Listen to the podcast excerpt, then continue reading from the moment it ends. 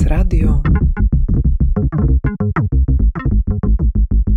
prezentuje.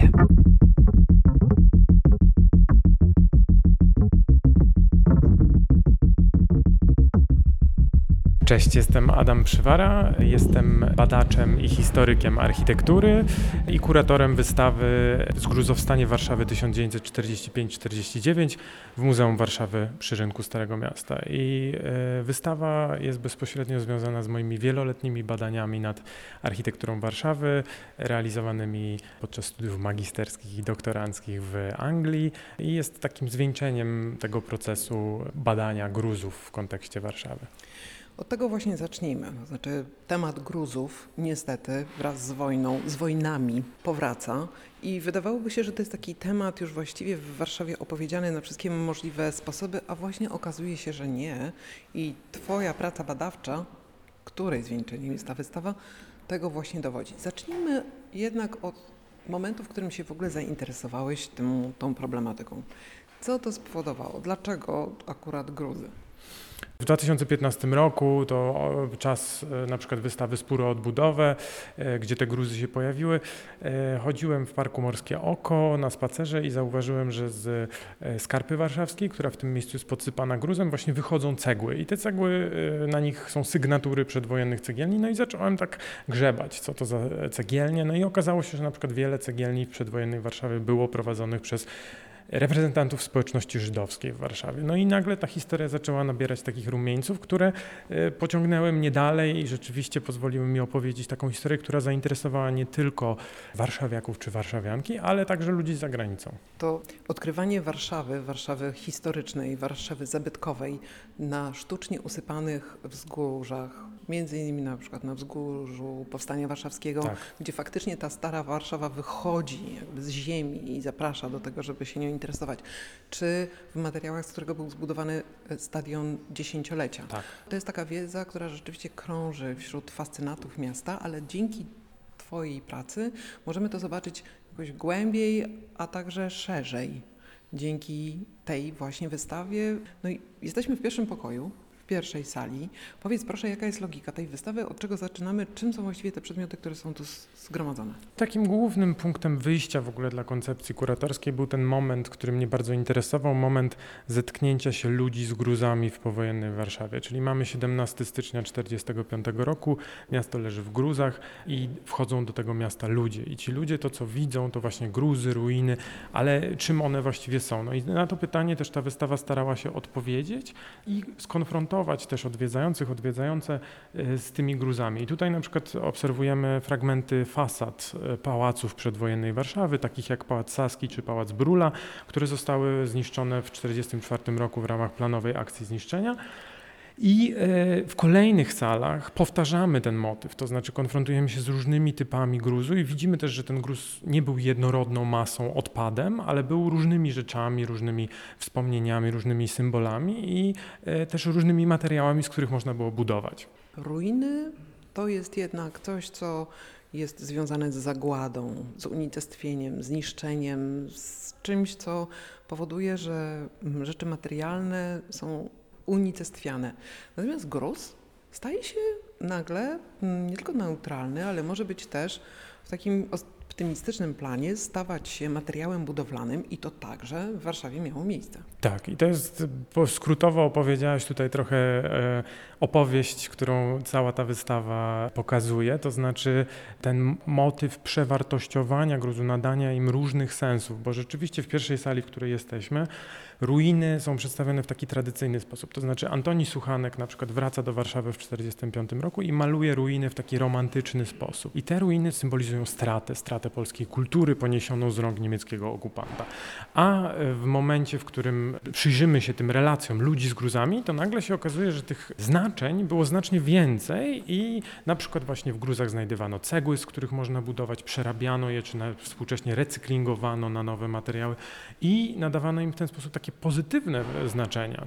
Rzeczywiście takim podstawowym konceptem, który udało mi się tu zrealizować, to było pokazanie tych gruzów, a to dzięki, czy za sprawą niesamowitej kolekcji Muzeum Warszawy, która jest kolekcją w dużej mierze zbieraną po 1945 roku, w okresie odbudowy i bardzo mocno tam te gruzy są zaznaczone i na przykład jest e, Pałac Saski, leży, istnieje, on istnieje, istnieje w e, archiwach Muzeum Warszawy, to znaczy znajdują się po prostu jego materialne części tam. Zresztą Diana Lelonek Tak. zrobiła piękną wystawę Pałacu Saskiego jakiś czas temu tutaj w, w Tak. muzeum. Ale y, wiesz co, to jest bardzo takie pociągające, ten sposób widzenia miasta, w który ty nas wciągasz, dlatego że on każe sobie przypomnieć, że Warszawa jest z gruzów i jest na gruzach. E, I tutaj taką e, istotną kwestią do pokazania było to, że Warszawa ma tą taką unikalną materialność. Materialność miasta, no kojarzymy na przykład, że Londyn jest zbudowany z konkretnego kamienia, czy duża część Londynu, tak? Albo z Rzymem kojarzymy marmur A tutaj taką tezą, powiedzmy, tej wystawy i, i czymś, co staram się udowodnić, jest to, że Warszawa również ma ten unikalny materialny charakter właśnie miasta odbudowanego z gruzów w kontekście właśnie krajobrazu i architektury. To jest e, Bronisława Linkę, grafika. To znaczy, on zrobił serię grafik po powrocie do Warszawy po 1945 roku i w nich zawarł takie swoje odczucie tych ruin jako żyjących, to znaczy ożywił te ruiny, co jest bardzo ciekawe. No i takim klasycznym przedstawieniem, no bo tu mamy ten motyw powracania do miasta i tego zasiedlania ruin i szukania też ciepła w tych ruinach, stąd na przykład piec wybudowany z kafli wykopanych z gruzów czy y, z wykopalisk archeologicznych. Mamy serię niesamowitą zdjęć Zofii Chomentowskiej, która pokazuje właśnie kobiety zbierające y, drewno w ruinach Warszawy, aby później e, ogrzać swoje mieszkania na Pradze. E, I rzeczywiście w tej sali coś, co się rzuca w oczy, to kobiety i rola kobiet w początkach Warszawy, bo musimy pamiętać, że to jest jeszcze okres, w którym wojna trwa. Mężczyźni są na przykład w armii albo na robotach w Rzeszy i miasto w dużej mierze jest zdominowane przez kobiety, które na przykład są zatrudniane w brygadach pracy, pierwszej takiej masowej organizacji pracy po założonej w Warszawie po wojnie przez, e, przez miasto. E, I te brygady w maju 45 zatrudniają około 16 tysięcy osób i mniej więcej 60 do 80% to właśnie kobiety. I brygady zajmują się właśnie odgruzowywaniem, sortowaniem gruzu, wysortowywaniem. Niesamowite zdjęcia pokazują, jak one wysortowują na przykład belki żelazne z gruzu. I, te, i to są właśnie. Ma- I tu w tej pracy nagle okazało się, że gruz to nie jest ta masa odpadu, o której dużo się wtedy mówiło, że trzeba ją wywieźć z miasta, tylko nagle, że, że to jest e, taki skład materiałów, które można użyć. Właśnie dobrze, że o tym e, wspomniałeś, bo gruz ten powojenny był faktycznie problemem, to znaczy zastanawiano się, jak sobie z tym poradzić. Jeżeli już zapadła decyzja o odbudowie Warszawy, czy w ogóle o powrocie do, do, do miasta, to co zrobić z tym, z tym morzem gruzów, które widać tutaj na zdjęciach? Tak, no właśnie znajdujemy się w sali, która też jest zatytułowana Wielkie Porządki i rzeczywiście gruz stał się takim problemem politycznym, tak, dyskutowanym Bierut wracając e, ze spotkania ze Stalinem w Moskwie, e, na którym zadecydowano, że Warszawa zostanie odbudowana. E, Wrócił też mówiąc, pierwsze co musimy zrobić to uprzątnąć gruz i tylko, że na, szybko okazało się, że to nie jest jakby e, proste zadanie. E, To jest raczej bezprecedensowe historycznie wyzwanie, bo gruzu jest tyle, że jego wywiezienie z miasta pociągami zajęłoby 20 lat. E, A środków technicznych nie było. No i nagle rząd powojenny, miasto, mieszkańcy stanęli przed takim wyzwaniem, e, z jednej strony kierowani takimi ambicjami, żeby miasto oczyścić, żeby miasto powróciło do życia, a z drugiej strony no, wyzwaniem takim e, masy tego gruzu. No i te, ten proces rzeczywiście trwa właściwie dziesięciolecie, bo tak jak wspomniałaś, ostatnim takim momentem, w którym duże masy gruzu są przemieszczane, to jest budowa stadionu dziesięciolecia, e, 55 rok. I w tym okresie ten gruz się przez miasto przemieszcza na najróżniejsze sposoby. Od furmanów przewożących gruzy, przez kolejki do akcji odgruzowywania, które organizowane są od 1947 roku przez różne organizacje i jest to praca nieodpłatna, ochotnicza i właśnie bazuje z jednej strony na takiej politycznej e, no, woli, gospodarce, żeby gospodarować tymi ludźmi i tą pracą, a z drugiej strony rzeczywiście na entuzjazmie mieszkańców. To znaczy, że mieszkańcy mają ten entuzjazm i tutaj na przykład mamy historię mówioną z archiwum historii mówionej w domu spotkań z historią. Maria Nowicka tam wspomina, że jako studentka po prostu paliła się do tej roboty, no bo chciały zobaczyć swoje miasto piękne. Tu Proszę, podejdźmy do cegieł. Ja jestem bardzo dumny, bo to jest e, kolekcja moja i mojej żony cegieł. Wy, wy, znaleźliśmy je w, w parku, w parkach różnych Warszawy. E, I, e, I to są cegły właśnie z tymi, które rozpoczęły moją przygodę z gruzem. Cegły z, sygnaturami przedwojennych cegielni. Na przykład mamy cegłę z napisem Halber marki i to jest na przykład cegielnia Szulima Halbera. No inne znane to na przykład Ka- Kazimierza Grancowa. Mamy też na przykład podróbkę w przedwojennej Warszawie podrabiano cegły angielskie. To jest wymiar cegły angielskiej, nazwa angielska, ale cegła produkowana w Warszawie.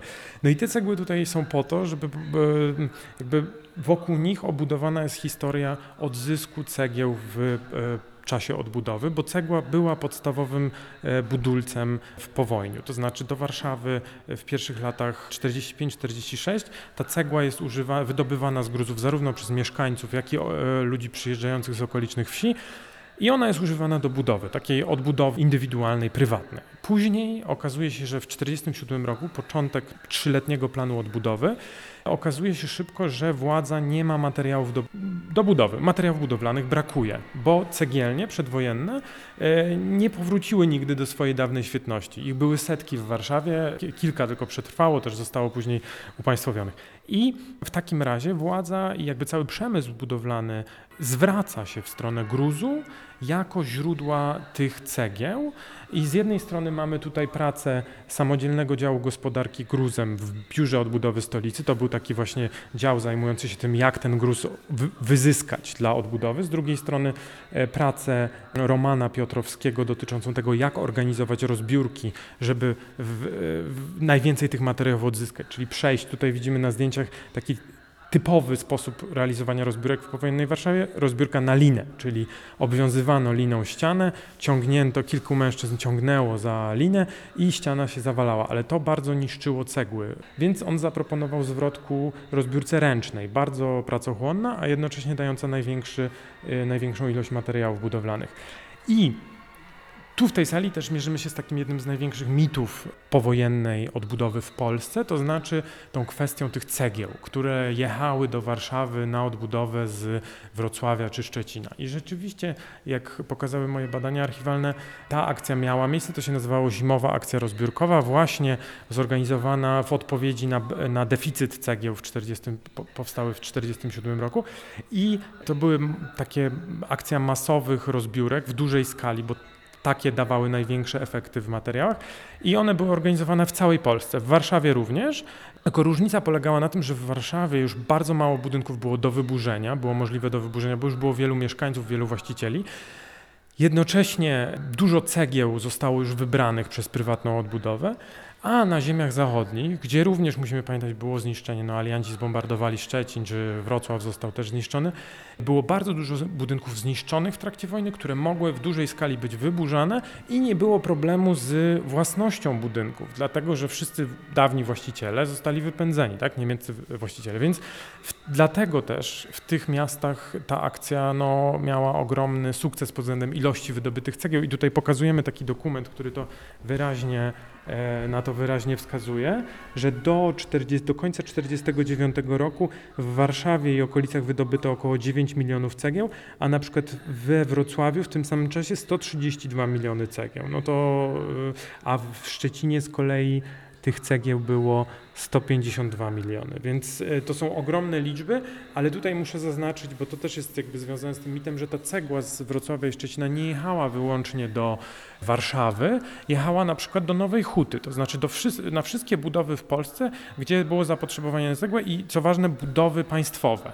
Czyli no, y, rozmawiałem też tutaj z Grzegorzem Miką i właśnie dyskutowaliśmy, że jednak budowa nowego miasta wymagało znacznie więcej cegieł niż budowa MDM-u, więc tutaj musimy też zwrócić uwagę na to, gdzie te cegły pojechały.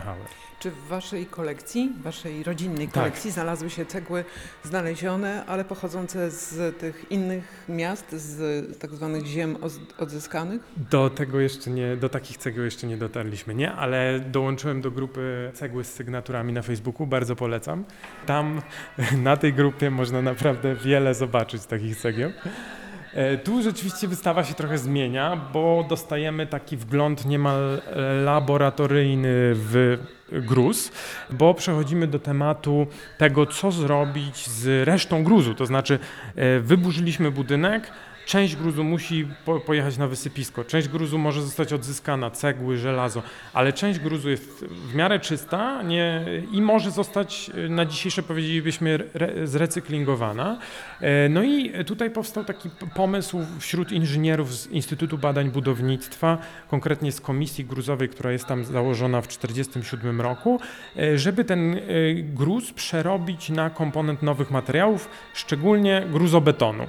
Polegało to mniej więcej na tym, że gruz był kruszony, sortowany i mieszany z cementem, wodą i piaskiem albo piaskiem gruzowym.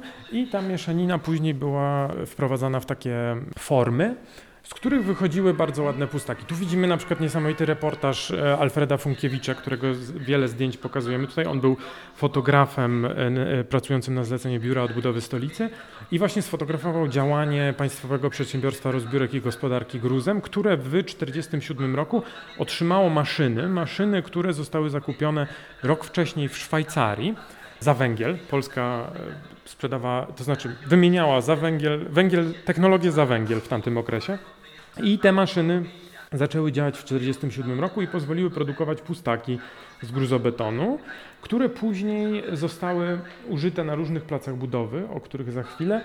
No jeszcze warto podkreślić, że właśnie ta historia gruzobetonu jest taka międzynarodowa, w tym sensie, że ci inżynierzy, żeby opracować tą formułę tego, jak ten gruzobeton produkować, podróżowali na przykład do Niemiec e, w 1947 roku, czy tłumaczyli teksty ze Związku Radzieckiego, a same pustaki mają nazwy, które wskazują na ich e, zagraniczne pochodzenie, na przykład pustak szwedzki gruzobetonowy, czy pustak szwajcarski gruzobetonowy.